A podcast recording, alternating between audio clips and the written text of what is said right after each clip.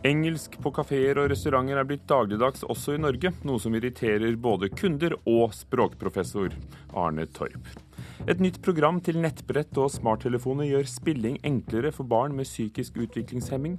Og i dag er det, som vi hørte i Dagsnytt, 70 år siden 532 jøder ble deportert med DS Donau fra Oslo. Politiet beklager for første gang sin rolle, mens en historiker sier at det også fantes gode krefter i det norske politiet. Og vi er til stede her i Kulturnytt i Nyhetsmorgen på minnemarkeringen som nettopp har begynt. Men først om språk og mat. Oftere og oftere må kunder på restaurant og kafé bestille mat og drikke på engelsk. Språkprofessor Arne Torp advarer mot utviklingen som den er blitt bl.a. på denne kafeen. Yeah. You wanna pay direct or? Okay. Han tar imot bestillingene på engelsk bak kassen ved restaurant Landromat i Oslo. So just try to make some coffee, no? Valerio Gumiero fra Italia er en av stadig flere servitører i Norge som ikke snakker norsk. Her kommer servitørene fra et titalls forskjellige nasjoner, og arbeidsspråket er engelsk. Kunde Cecilie Billington liker det ikke. Nei, fordi at det er norsk som er språket her. og Når jeg reiser utenlands, så snakker jeg selvfølgelig engelsk, men når jeg går på norsk kafé, så forventer jeg at de snakker norsk. For jeg syns det er norsk som er språket i Norge. Hun får støtte fra språkprofessor Arne Torp.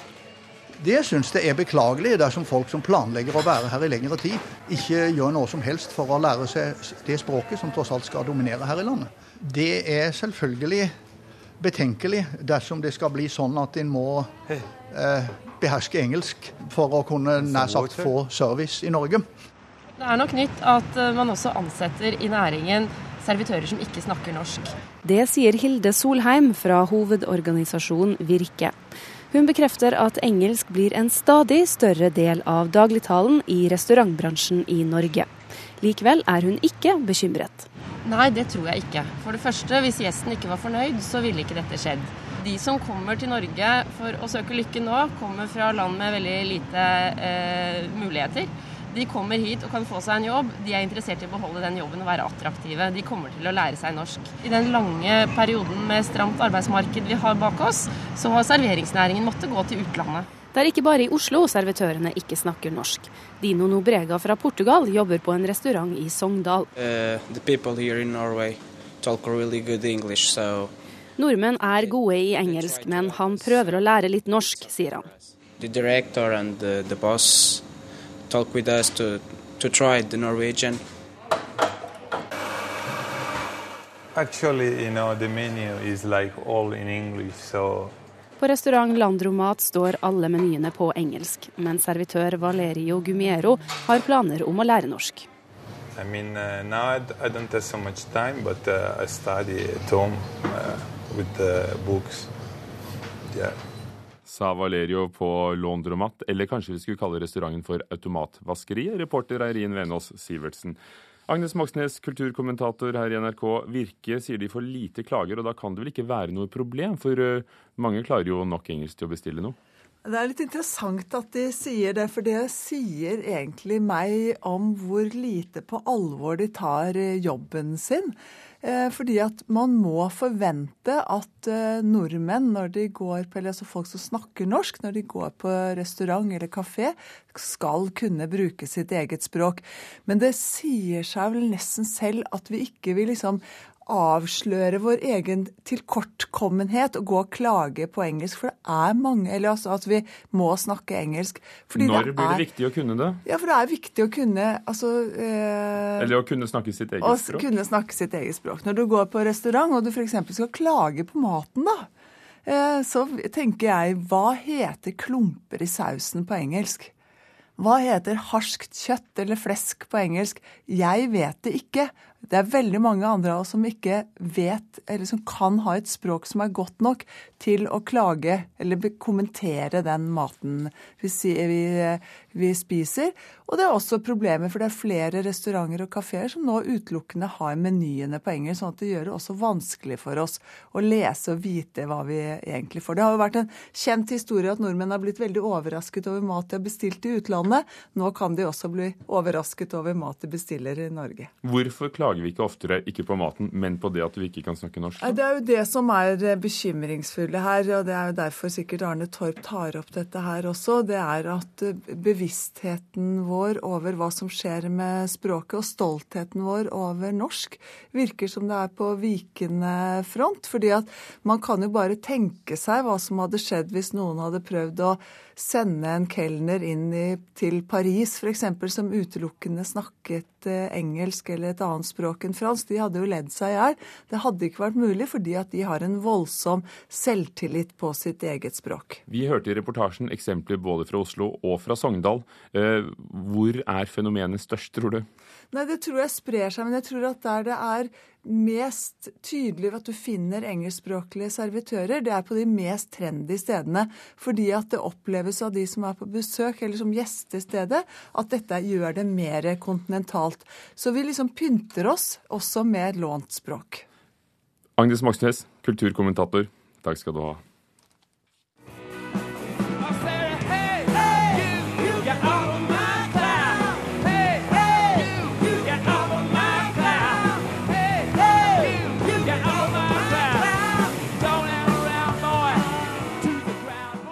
Slik lød det da Rolling Stones-klassikeren Get Off My Cloud eh, ble spilt av bandet da de feiret sitt 50-årsjubileum foran 20 000 eh, mennesker i London i går. Nå skal Rolling Stones spille fire konserter til for å markere at det er gått et halvt århundre siden Stones spilte sammen for første gang. I tillegg til grunnbesetningen med Mick Jagger i spissen deltok også de tidligere medlemmene Bill Wyman og Mick Tyler i konserten for første gang på over 20 år. NRK kaller inn til møte om kritikken som er kommet mot NRK Drama. Flere regissører og skuespillere har de siste ukene stilt spørsmål ved dramaavdelingens organisering, og flere har ment at dramasjefen Hans Rosiné hans stilling må utlyses på åremål. Blant dem som har kritisert NRK, er regissørene Sara Johnsen, Hans Petter Moland og skuespiller Anders Bosmo Christiansen. Kulturredaktør Hege Duckert sier til Dagbladet i dag at hun nå har kalt inn til et møte med Dramatikerforbundet og Foreningen norske regissører for å få dialogen på rett spor, som hun sier, eh, men at det er uaktuelt å gjøre sjefsposten om til en åremålsstilling.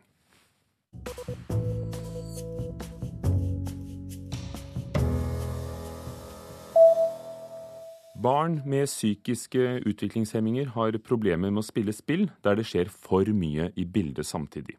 Marius Mathisen fra Tjøme så at hans åtte år gamle stedatter fikk problemer med å spille, og derfor bestemte han seg for å gjøre læring mer spennende for henne. Og dette har nå gjort at mange får mer spennende læring, for han utviklet Angelinas verden, et program som kan lastes ned gratis på nettbrett og smarttelefoner.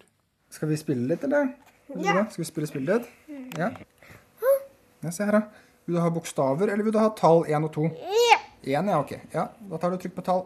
Det hele startet for ett år siden, hvor målet til Marius var å lage et spill som er egnet for Angelina, som har moderate psykiske utviklingshemminger.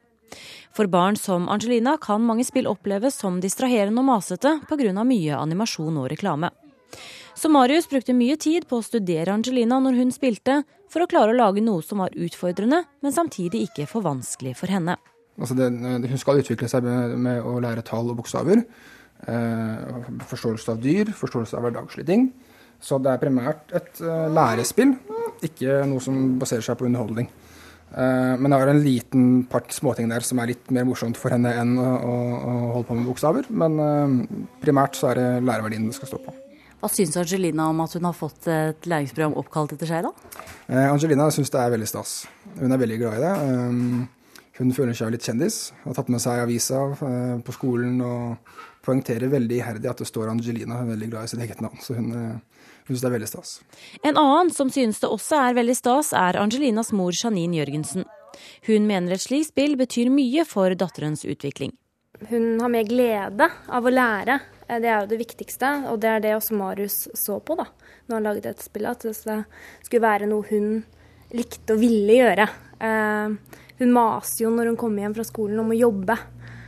Det er jo ikke akkurat alle barn som gjør det.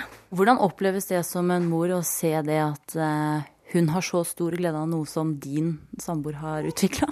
Jeg, jeg, er så ufattelig stolt. Jeg kan ikke være mer stolt enn jeg er. Og det er den? Greit? Ja. Én, ja. Kjempebra.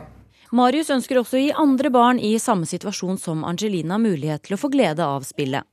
og har bestemt seg for at det skal være gratis å laste det ned. Men for de som ønsker og har lyst, er det også mulig å donere penger. Jeg ønsker å samle inn penger, slik at Jeløy skole i første omgang kan få iPads eh, til å bruke sin undervisning for eh, barn med spesielle behov. Og jeg har fått inn foreløpig i underkant av 7000, så de får iPads til jul uansett hvem som bidrar framover. Utover det så kommer det til å bli lansert til engelsk til neste år. Eh, jeg har fått kontakter i Canada av folk som ønsker å oversette det til fransk og fransk-canadisk. Så den kaller barnslige visjonen er jo kanskje å få det globalt, at det kan være gratis og tilgjengelig for alle i alle språk. Og har da representanter i, i hvert fall de største landene som samler inn penger på vegne av Angelinas verden og gir til, til skoler som har behov for hjelp. Oi! Var du flink, eller? Var du flink? Ja. ja. Og det var Marius Mathisen og Angelina. Reporter var Katrine Krømke. Klokken er 16 minutter over åtte. Du hører på Nyhetsmorgen i NRK P2 og Alltid nyheter. Overskriften i dag. Ansatte i Forsvaret har hatt kontakt med kriminelle MC-gjenger, og Forsvaret frykter at kriminelle får tak i sensitiv informasjon. Landets øverste ansvarlige for beredskapen 22.07, statsministeren og daværende justisminister, må forklare seg for Stortingets kontrollkomité i dag. Og historiker Torbjørn Færvik løfter frem for mange ukjente kilder og fortellinger fra Kinas tid under Mao i boken 'Maos rike', som vi anmelder senere i Kulturnytt. I dag er det 70 år siden 532 norske jøder ble deportert med skipet Donau fra Oslo.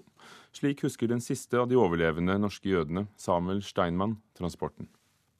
Ja, det var eh, Vi var 532 eh, jødiske kvinner, barn og, og menn. Og eh, kvinnene var under dekk akterut, og de mannlige var forut i båken under dekk. Og, og, vi var under tysk kommando hele tiden. Og det vil vise seg var noe helt annet enn det vi var vant til. Sa Samuel Steinmann. Og nå er minnemarkeringen i gang på Akershus-kaia i Oslo, der skipet lå til kai for 70 år siden. Og reporter Maria Pile Svåsand, hva skjer der i dag? Nå står jeg på kaien ikke så langt ifra Pia nummer én med minnesmerke for eh, deporterte jøder. Eh, Hadia Tajik har hatt tale. Eh, nå er det Fabian Stang som snakker. Etter hvert kommer biskop Ole Kristian Kvarme og forstander ved Det mosaiske trossamfunn Ervin Kohn. Det er om lag 200 personer her, og det er en eh, forsamling i alvor. Og så står jeg her i lag med historiker ved Jødisk museum, Mats Tangestuen. Og vi står for å minne at det er 70 år siden Donau la fra kai. Hva var det egentlig som skjedde den dagen? Hvis vi tar for oss eh, Oslo, så eh, starter det da egentlig med at uh, ca. 100 patruljer med, 300, altså med tre mann i hver, altså totalt 300 personer, dro rundt for å arrestere de som var igjen. Altså Mennene hadde blitt arrestert en eh, måned før. Og det var stort sett bare kvinner, barn og noen eldre menn igjen. Eh, patruljen var satt sammen av eh, gjerne en statspolitimann, kanskje en hirdmann, en mann fra germanske SS Norge f.eks. Som regel tidligere frontkjempere. Eller også folk fra andre politietater. De dro rundt til disse adressene de hadde, og satt igjen en mann. De som var der, de fikk beskjed om å pakke. Og så ble de hentet i en taxi. Man rekvirerte om lag 150, nesten 150 taxier som var med på dette her. Eh, de taxisjåførene visste selvfølgelig ikke hva de skulle være med på. Men eh, disse blir da kjørt suksessivt ned til kaia og lastet om bord i Donau. Her møtte jo her på kaia så uh, møtte jo da veldig mange kvinner mennene sine igjen. Fordi de ble sendt med tog fra Berg fangeleir utenfor Tønsberg, hvor de hadde sittet en måned. Uh, og de ble da ført om bord i Donau. Det gikk en annen båt samme dag, Monterosa, Monte Rosa, med 26 jøder om bord. Og også gått noen få dager før med 20 jøder om bord. Eh, og jøder fra andre deler av landet, eller lenger, lenger nord, Nord-Norge og Midt-Norge, de rakk ikke å komme til kaia. Eh, så de ble internert på Bredtvet fangeleir fram til 25.2.1943 og ble ført ut med en båt som het Gotenland. Og de ble da altså sendt til Auschwitz i hovedsak? Ja, de ble sendt uh, Donau gikk da via Eller uh, gikk til Stettin, og der ble de ført videre i, i kuvogner, rett og slett. Eh, ferd som tok to og en halv dag til de kom til Donau. Eh, når de kom til, nei, beklager, når de kom, til, kom til Auschwitz. De kom til Auschwitz, så var det en seleksjon der på perrongen hvor alle kvinner og barn, og hovedsakelig menn over 50 år, ble ført rett til gasskammer. Det var jo norske politimenn som var med å hente jødene i heimene deres. Og Hvordan ser det historikere på den eh, rollen som det norske politiet hadde? Altså, det, er jo en, eh, det er jo en rolle som har vært eh, lite omtalt for uh, si på 50- og 60-tallet. Det kom en film i 1958 i 'Slik en natt' om redningen av det jødiske barnehjemmet. Og Der er det tyskere som arresterer jøder. Og Det er kanskje litt i tidsånd da, at, at, man la litt lokk på det. Det kom mye mer fram etter hvert. Fra 1970-tallet så begynte det å komme bøker. Ragnar Ulstein var først ute med å skrive om jøder som flyktet. Og så får vi Oskar Mendelssohn, så får vi flere etter hvert. Uh, Bjarte Bruland. Og da kommer dette fram etter hvert. På Jødisk museum så åpner i dag, eller han blir vel åpen for publikum i morgen, den nye utstillingen 'Husk oss til livet'. Og hva er det vi vil få se der? Der vi får se i hovedsak familiehistorier og personhistorier. Både på folk som flykter og folk som blir arrestert. Eh, eller familier som blir splittet, først og fremst. Vi har også gjennomført en rekke intervjuer eh, fra sommer og høst med, med folk som opplevde dette her. Blant annet så intervjuet jeg for noen dager siden en, eh, en dame som 26.11.1942 var 12 år og ble ført ned til kaia hit. Men når hun skulle om bord i Donau, så var landgangen dratt opp. Så taxien kjørte tilbake igjen til leiligheten, og hun klarte å flykte sammen med familien sin. Og etter minnestunden så vil det altså bli avduka en, eh, en, ny plakett fra Kulturdepartementet. Og det vil bli servert varm drikke til alle de som faktisk eh, er her i dag. Takk skal du ha, reporter Maria Pile Svåsand på Akershuskaia. Og i Nyhetsmorgen eh, senere her før klokken ni så kommer vi tilbake til minnemarkeringen der DS Donau lå, altså for 70 år siden. Dette er også da 70 år etter at familien Karpol fra Sør-Fron i Gudbrandsdalen endte sine liv i konsentrasjonsleiren Auschwitz i dagens Polen, og nå blir de hedret med en ny vandreutstilling for å kjempe nettopp mot fremmedfrykt og antisemittisme. Ester Karpol, Klara Karpol og Samuel Karpol. Arrestert i Fron og sende med Donau til Auschwitz. Vi er på Kvam i Nord-Fron. På den nye minnebautaen ved Gudbrandsdal krigsminnesamling leser Bjørn Sletten navnene på søsknene som i november for 70 år siden ble arrestert og sendt ut fra grenda de bodde i. Det var tre av våre som ble sendt og ikke kom tilbake. Det syns jeg det er viktig å løfte det fram igjen. Her er fangenummeret 16497. Nå vil Gudbrandsdalsmuseet lage vandreutstilling og nettutstilling med undervisningsopplegg for skoler av det som skjedde, sier Per Gunnar Hagelin, daglig leder i Gudbrandsdal krigsminnesamling. Mer og mer fremmedfrykt og antisemittisme i, i verden, og òg da i Norge. Slik at det er viktig for oss som en formidling av historien at vi får dokumentert og vist fram at det faktisk var en jødeforfølgelse òg i Gudbrandsdalen. Men det er dette jødiske, materialistiske Messiasriket, eller rettere Satanriket, truer Europas folk og Norge med død og ødeleggelse. Det var ingen tvil om hvor Vidkun Quisling sto når det gjaldt jødene. Tre damen der er òg Karoline Trebic, Marta Leopold og Stefanie Hirsch. I alt ble 772 jøder deportert fra Norge. De fleste bodde i byer. Familien Karpol fra den verste bygda Harpefoss i Gudbrandsdalen var et unntak. Den eneste jødiske familien som var fastboende eh, her. Det var ikke så mange jødiske familier som bodde ute på, på bygdom. De bodde gjerne i byene. Familien på fem hadde bodd i bygda i mer enn 20 år og var godt integrert, sier journalist og lokalhistoriker Bjørn Sletten. Småbrukere. De var vel kjent og godt likt i bygda. Året etter skjedde noe som delte bygdefolket i to. Det ligger nok en del saker og ting i Frons bygdom etter Karpol-familien som ble auksjonert bort. Vi har vel fått et skrin, og så var det noe votte. Nå ønsker Gudbrandsdalsmuseet å låne gjenstander etter Karpol-familien for å bruke dem i den nye vandreutstillinga. Det kan jo gis anonymt, for oss, oss vet at det finnes en del ting. 70 år etter at Karpol-familien ble sendt ut av landet og senere utrydda, lages det også en digital nettutstilling med et undervisningsopplegg for skoleelever. Det har vært aktuell sak nå i Midtdalen, der en etnisk ikke-norsk familie ble trakassert. Det er viktig at lokalbefolkninga òg eh, ser det i sammenheng med det som skjedde for 70 år siden. Og reporter i Gudbrandsdalen var Stein S. Eide. I eh, Dagsrevyen i kveld så kan vi møte Samuel Steinmann, som er den siste av de gjenlevende norske jødene som var med på deportasjonen eh, for 70 år siden. Og i kveld klokken 23.20 sender også NRK2 dokumentaren 'Holocaust tidsvitner', der fem av de overlevende norske jødene fortalte sin historie. 23.20 på NRK2.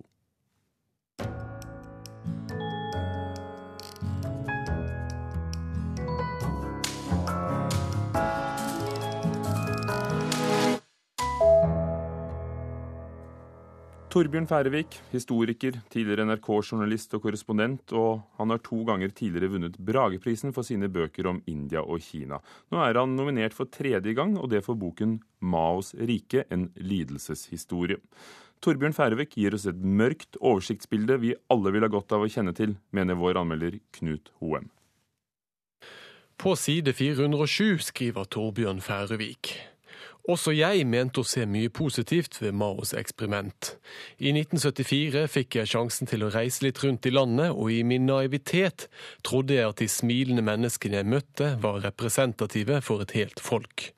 Man skvetter nesten litt når Færøvik plutselig dukker opp i egen bok, for Maos rike en lidelseshistorie er i all hovedsak satt sammen av andre kilder, som korrigerer den unge Færøviks glansbilde ettertrykkelig.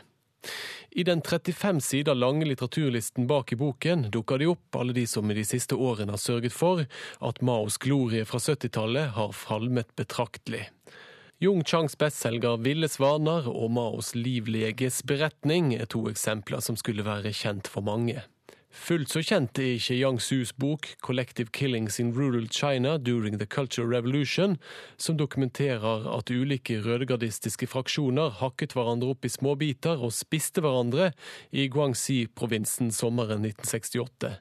Eller belgiske Frank de Cutters Maos Great Famine, Maos store sult, om sultkatastrofen under det såkalte store sprang i årene 1958 til 1962. Mange av de slagordene som norske maoister tok i bruk på 70-tallet, som at revolusjonen ikke er noe T-selskap, at man skulle feie vekk alle skadedyr, gripe dagen, og at tusen år er for lang tid, fremstår her i sin opprinnelige sammenheng og med de konsekvenser de fikk. Under kulturrevolusjonen forsøkte atter andre millioner av fanatiske ungdommer å produsere gummi i tråd med Mao Zetungs lære, mens lærere og andre intellektuelle av den såkalte stinkende niende kategori ble myrdet på åpen gate. Kort sagt, vi bader i blod i denne beretningen. Inntil kapitteloverskriften 'Partiet friskmelder Deng Xiaoping' dukker opp, og vi endelig kan se konturene av den blanding av markedsøkonomi og ettpartistat som preger Kina i dag.